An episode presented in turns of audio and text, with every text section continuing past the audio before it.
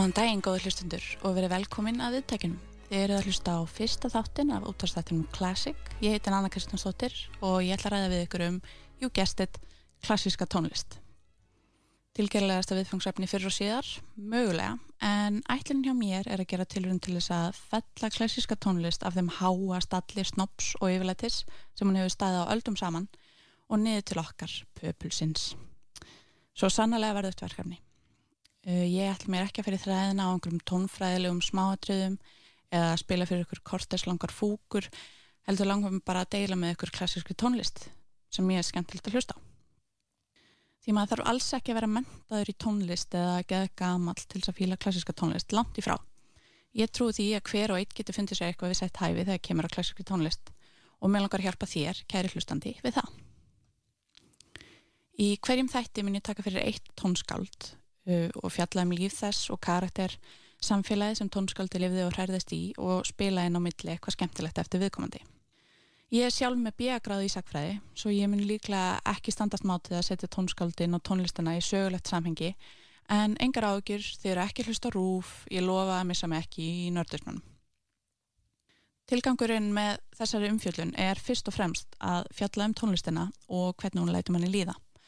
Alla tónlistina sem ég spila eða tala um verður hægt að nálgast á sérstökum playlista á Spotify. Í þessum fyrsta þætti ætla ég heldur betur ekki að ráðast á gardinu það sem ennalegstur.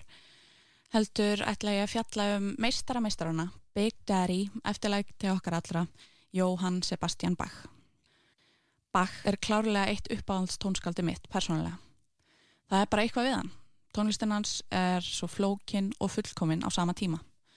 Hann er líka snillingur í að gera bæði trillingslega skemmtilega tónlist og ótrúlega fallega tónlist en hann á heiðurinn um mörgum fallegustu stefum sögunar. Til dæmis má nefna Ari á G-streng sem er klárlega einn frægasta klassiska laglínan og Sláð þú hjartans hörpustrengi eða Herz und Mund und Tatt und Leben sem ég tel mig geta fært sannfærandur auk fyrir að sé eitt fallegast verk tónlistasögunar samhliða Lacrimósu Mozart en meira um hana síðar. Við skulum hlusta á Sláðu hjartans hörpustrengi.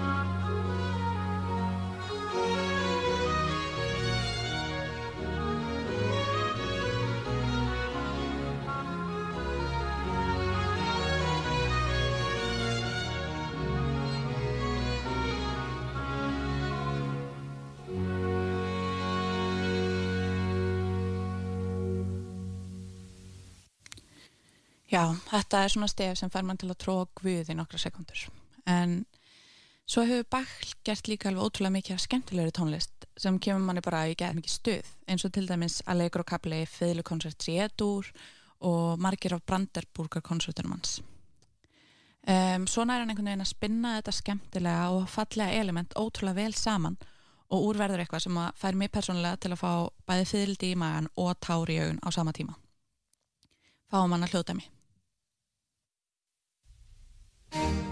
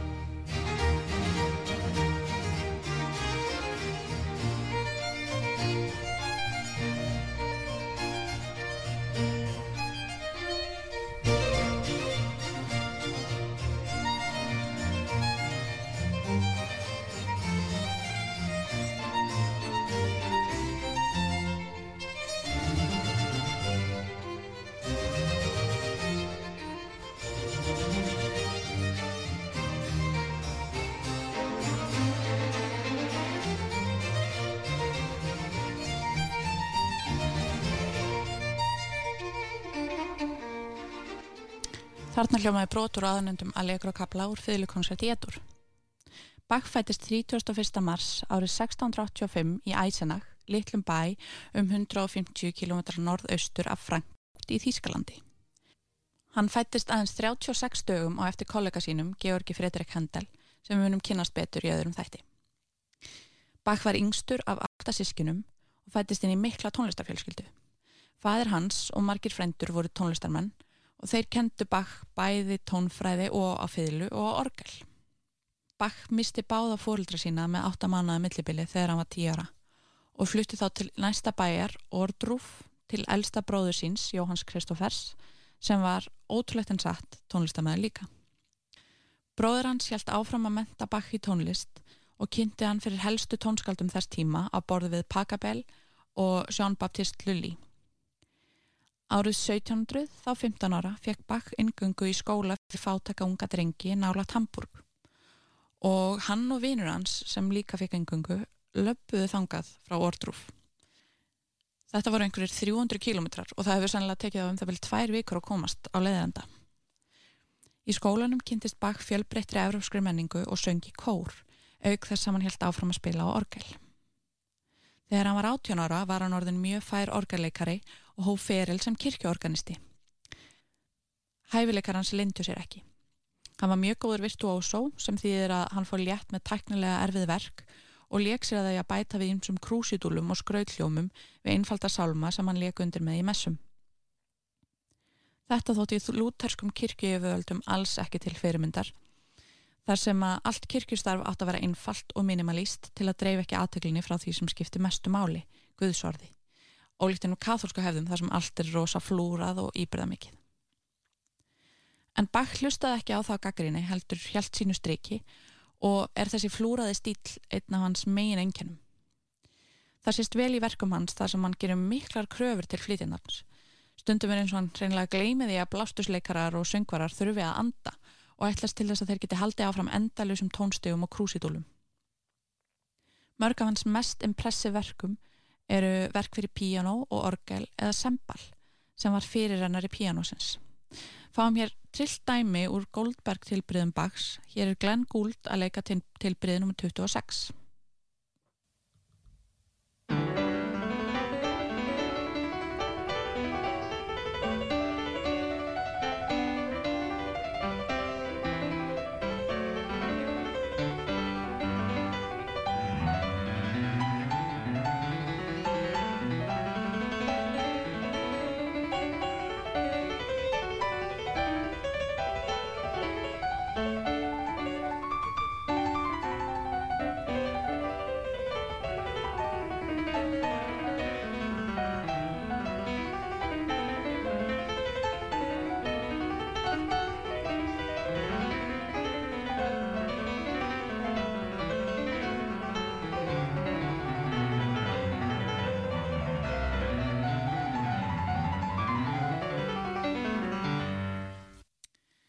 Já, hvað, þú veist, hvað er að? Það eru bara tvær hendur að spila þetta. Þetta er alveg ótrúlega langt gengið. En, en ok, ég lofa að fara ekki ofið mikið út í tónfræði hérna, en, en ég verða að benda á eitt sem er alveg ótrúlega cool við verkinans bak.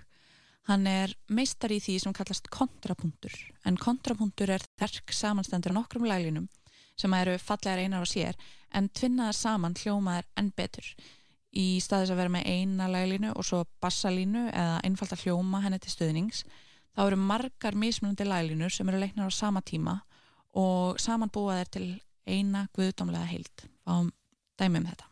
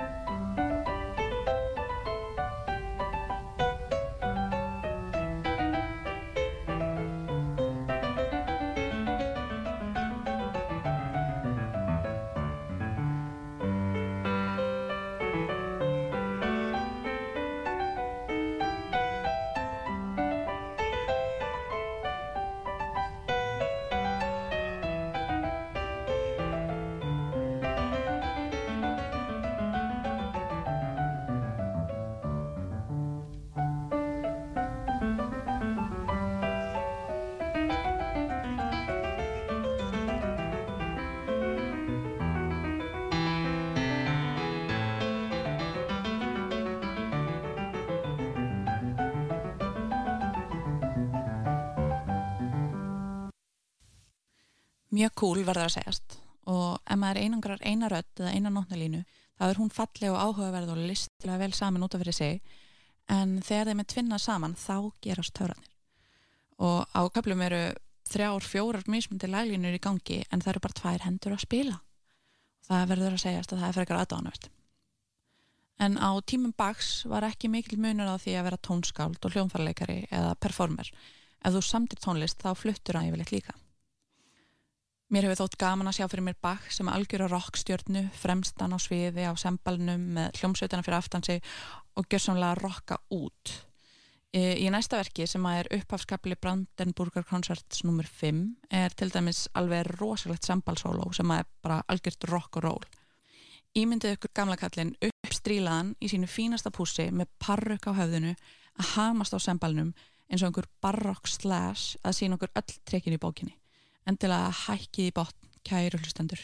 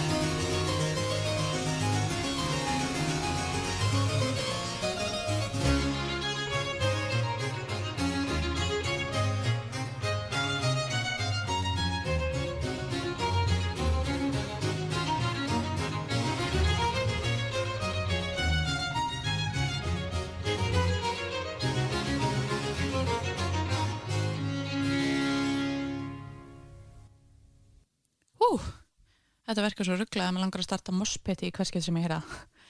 En uh, já, ég stend ekki mátið að spila næst jazzútgafu af þessu samalægi með Jack Lucy er tríóanu.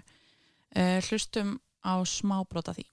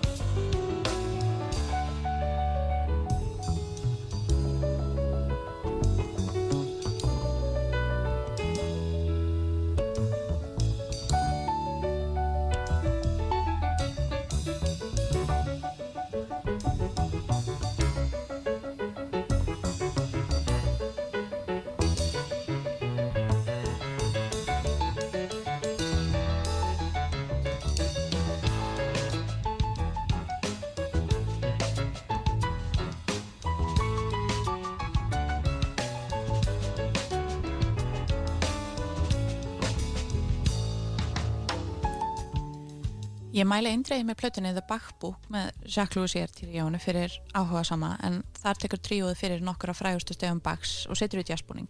Mjög skemmtilega nálgun. Bach samti bæði tónlist trúarlegs og verðlegs aðlis en trúin spilaði mjög stóran þátt í lífans. Hann gekk í gegnum margt erfitt aðeisinni aðeins þrjú af sjö sískinum hans náðu fullorðinsaldri auk þess sem hann misti báða fórildra sína þegar hann var tíu ára gammal eins og áður hefur komið fram. Stærsta áfallið hefur þó líklega verið þegar hann misti konuna sína, Marju Barbaru Bach. Marja Barbara var æsku ástinans. Þau voru reyndar þreminningar en það eru katriði. Um, til eru frásagnir af því að Bach hafi sem ungur organisti misnótað aðstöðu sína og fýblast með ungri konu á háalofti kirkunar sem hann starfaði við og hlautan fyrir það skömm í hattin. Þar var líklega Marju Barbaru að ræða. Þau gengu í það heilaga hausti 1707, þá var Bach 22 ára og Marja Barbara 23 ára. Samanregnuðustu sjö börn þar af fjögur sem komast að legg. Meðal þeirra var Karl Philipp Emanuel Bach sem síðar var þeitnig virt tónskald. Lítið er vitað um heimilslíf Marju Barbaru og Bachs, eh, annað en að þau voru hamingisum og elskuðu hvort annað mjög mikið. Sumarið 1720 var Bakka ferðalagi með vinnuveitanda sínum Leopoldi Prins af Anhalt Köten um, og Bakka hafði kvart konu sína á börn við góða hilsu en þegar hann snýri tilbaka tvei mánuðum setna fréttan þegar hann gekk innum dyrtnar á heimili sínu að Marja Barbara hefði dáið að meðan hann var í burtu aðeins 35 ára gömul og að það veri nú þegar búið að gerðana. Dauða hennar bara brátt að og ekki er vita hvað drónu til dauða. Þetta lítur að hafa verið mikið áfall fyrir bakk og börn þeirra.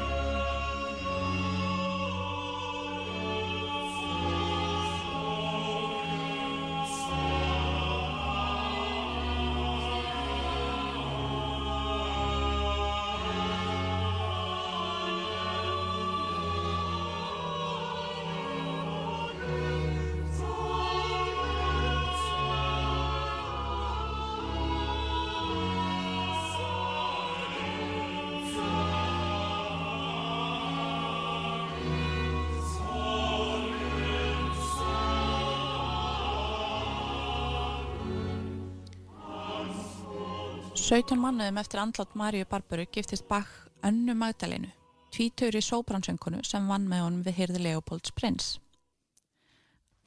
Anna Magdalena og Bach átti eftir að eignast saman 13 börn á 19 árum, þar af létust 7 á barsaldri. Auk þess gekk hún börnum Bach úr fyrra hjónabandi í móðustad. Saman fluttu þau með börn sín til Leipzig, þar sem Bach var tónlistastjóri við kirkjuheilags Tómasar.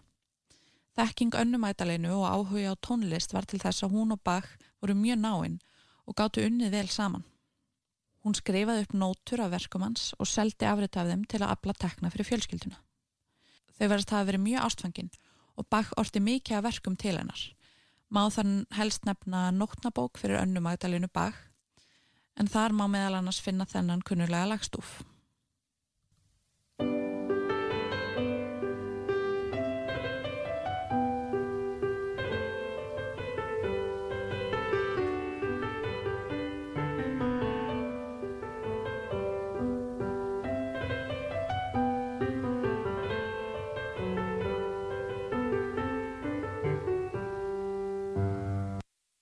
Anna Magdalena skipulaði reglulega tónlistarkvöld á heimilegðara Bach-hjónuna þar sem vinir og vandamenn saminuðst til að horfa hana, Bach og börnin leika, syngja og spila á hljóðfæri og heimileg þeirra varða nokkus konar tónlistarmiðstöð í Leipzig.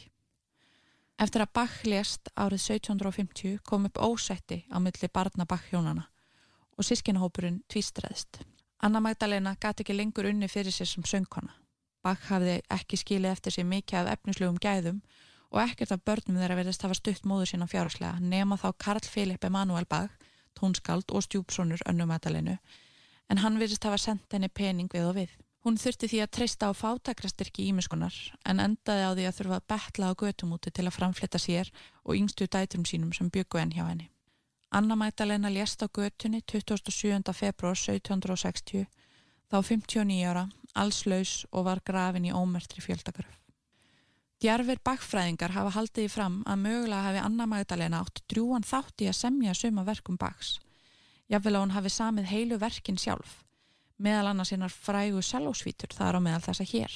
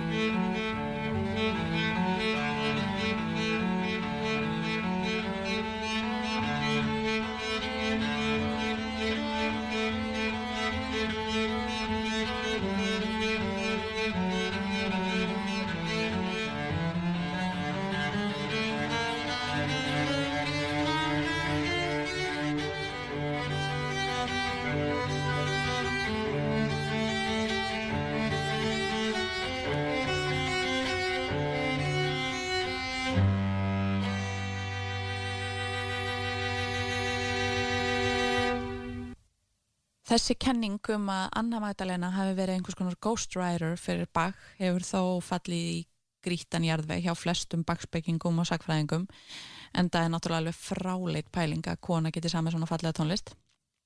Nei, ég segi bara hana en skemmtileg kenning enga að síður og gaman að ímynda sér að Bach og Anna Magdalena hafi verið einhvers konar tvíeiki í tónsmíðum. En eins og áður sagði var Bach ráðinn sem tónlistastjóri eða kantor í Leipzig en það var að þeim tíma eftirsóttasta staðakantors í þeim hluta Þýskaland sem var mótmælenda trúar, sérstaklega norður hluta Þýskalands. Norður hlutin er mótmælenda trúar og söður hlutin kathólskur um, en eina ástæðan fyrir að Bach böðst staðan e, var að Georg Philipp Telemann, annað frækt baróktónskald, hafnaðinni uh, Bach sinnaðist oft við yfirmann sína og var samband hans við yfirvöld í Leipzig engin undantekning þar á en hann sakaði þau um að vera algjör að nána sér.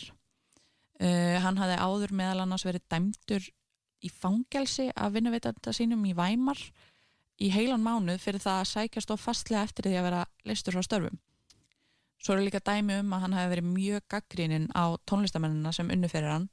Í eitt skipti róstaðan eitt kórsengvaran sem svo illa að sá kildi bakk í smettið. Þannig að já, hann hefur greinilega ekki verið feimin við að láta skoðanir sína í ljós, blessaður en eins og áður sagði það var Bach rosalegur á orgelinu og samti mikið fyrir það. Um, við skulum hlýða á líklega frægasta orgelverk sögunar Tokkötu í D-mól og ímynd okkur Bach gamla sitjandi við orgelið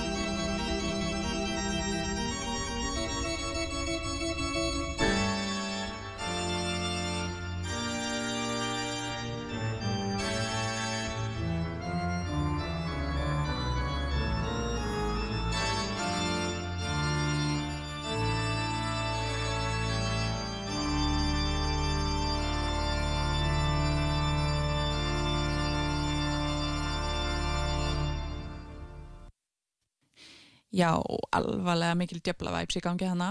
Maður getur rétt ímyndið sér hvernig það var að vera saklaus, saksneskur, bóndadurgur í kaupstæðaferði í Leipzig hjá árið 1746 og maður rampar inn í kirkju heilags Tómasar til að fá smá trúarlega upplýftingu og þetta er það sem tekur við manni. En já, uh, undir lokæfisinnar byrjaði Bach smám saman að missa sjónina Ekki er vita nákvæmlega af hverju en líklegast er þó að um sikursíki eða heilablóðfell hafa verið að ræða. Að lokum var hann orðin alveg blindur og leitaði á náðir auglæknis til að reyna að bjarga sjóninni. Reyndar var sá líklega skottulæknir og er talin hafa blindað hundriði manna á ferðlinum með kruki sínu en Bach hafði trú á honum og undirgegst tvær augnaðgerðir árið 1750 en því miður þá léstan 28. júli það ár í kjölfar hérna mislukuðu aðgerða þá 65 ára gammal. Sagan segir að síðustu orð Bach hafi verið til konu hans og að þau hafi hljóða svo Gráttu mig ekki því ég fer þangað sem tónlistin verður til. Bach var jarðaður í almennum kirkjugarði í Leipzig en líkamsleifar hans voru svo færðar í kirkju heilags Tómasar þar í borg þar sem hann kvílir enn þann dag í dag.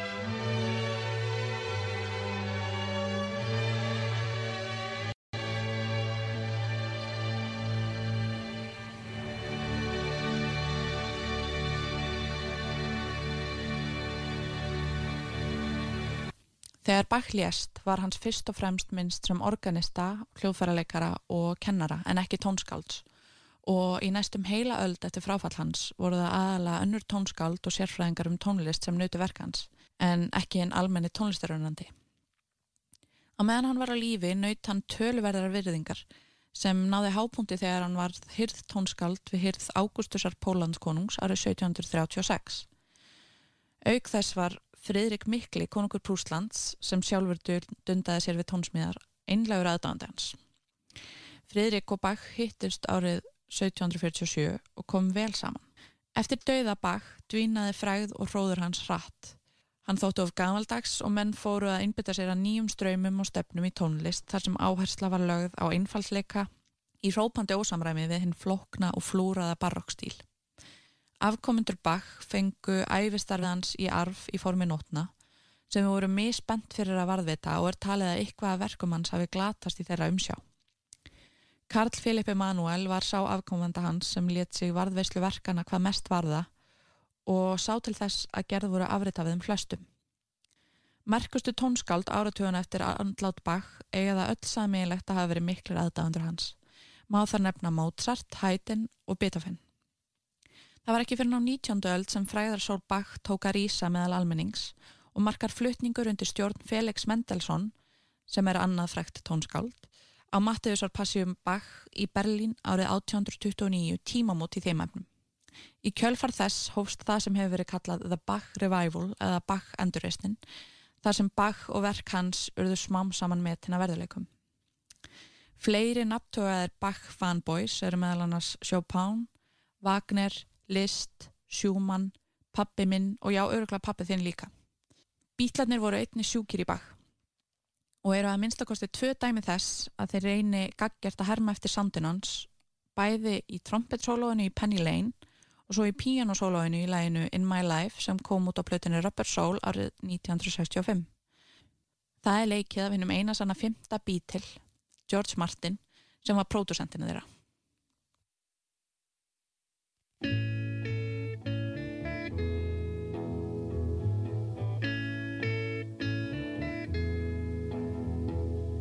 Play. place.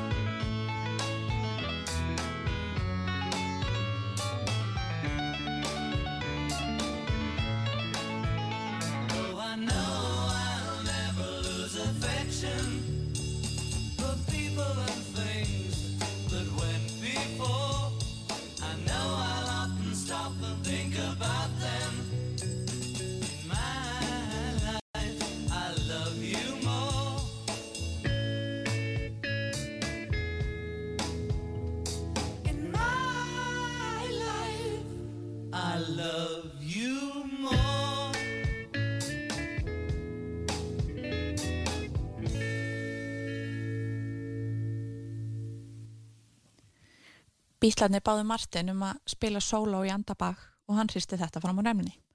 Sólóið er leikja á piano en spilaði á tvöföldum hraða til að reyna að ná fram svipum hljóm og í sembal. Tónlist Bach hefur hljómað í fjöldanum öllum af kvikmyndum og þáttum. Má það nefna Simpsons, The Godfather, The Pianist, The Intouchables, Master and Commander, Ex Machina, Family Guy, Broadwalk Empire, Call Me By Your Name og ótrúlendi fleiri. Einn eftirminnilegasta senan er þó ábyggilega úr Silence of the Lambs þegar Hannibal Lecter sem látin er vera mikill Bach unnandi myrðir tvo fangaverði á brútalmáta undir Goldberg variasjónum Bachs.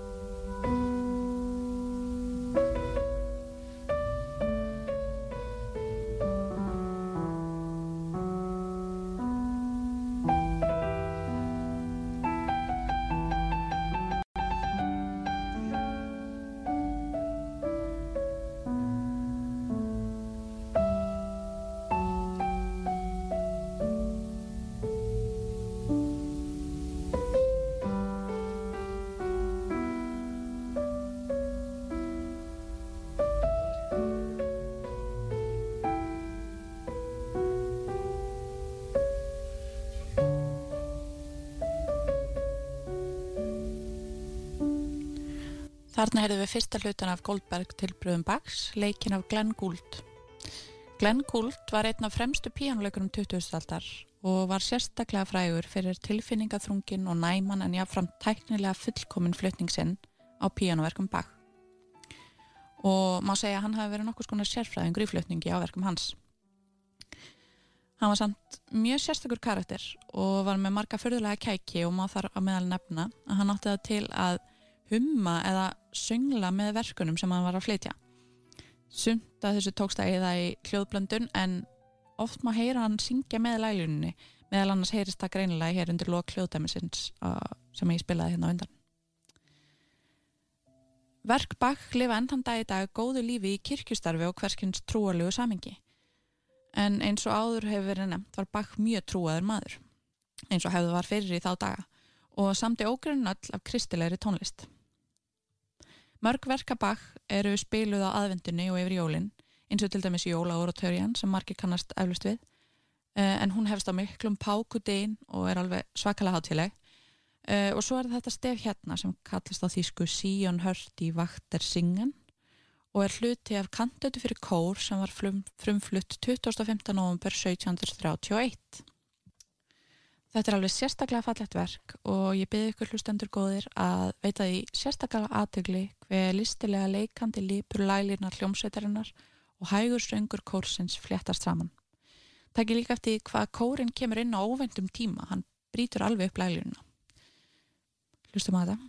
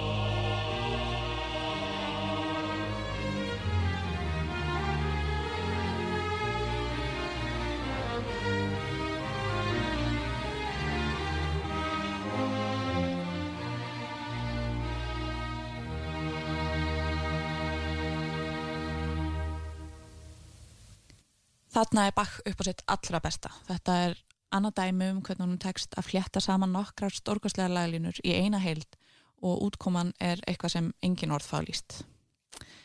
Með setni tíma rannsóknum hefur komið upp vafi um að sé í raun og veru líkamslegar Bachs sem kvíla í kirkju heilags Tómasar. En hvort sem það er kvíla þar eða í einhverju ómertri gröf í útjæðri Leipzig þá er eitt víst og það er það að sálinans er klárlega á himnum. Því að ef hann fær ekki himnavist fyrir alla guðdamlegu tónlistina sem hann samti til þeirra feðgaðan uppi þá er einhver galli á kerfinu hjá þeim. Og tónlistbakk lifir líka góðu lífi í heimingeimnum því að nokkur verka hans voru hluti af sapni tónlistar sem að NASA sendi út í geim árið 1977 í tilurinn til að ná sambandi við geimverur. Og það var bara hægt að vona að það séu með eiru svo þeir getur hlustað Ég held að það sé ekki of mikið að segja að Bach sé eitt áhrifamesta tónskáld hins vestrana heims fyrir og síðar. Þráttur að hafa ekki slegið í gegn sem tónskáld fyrir um öld eftir andlátt sitt hefur hann haft bein og óbein áhrif á nánast alla tónlist sem hefur verið saman eftir hans dag. Mís augljós en þau eru nú hann að samt.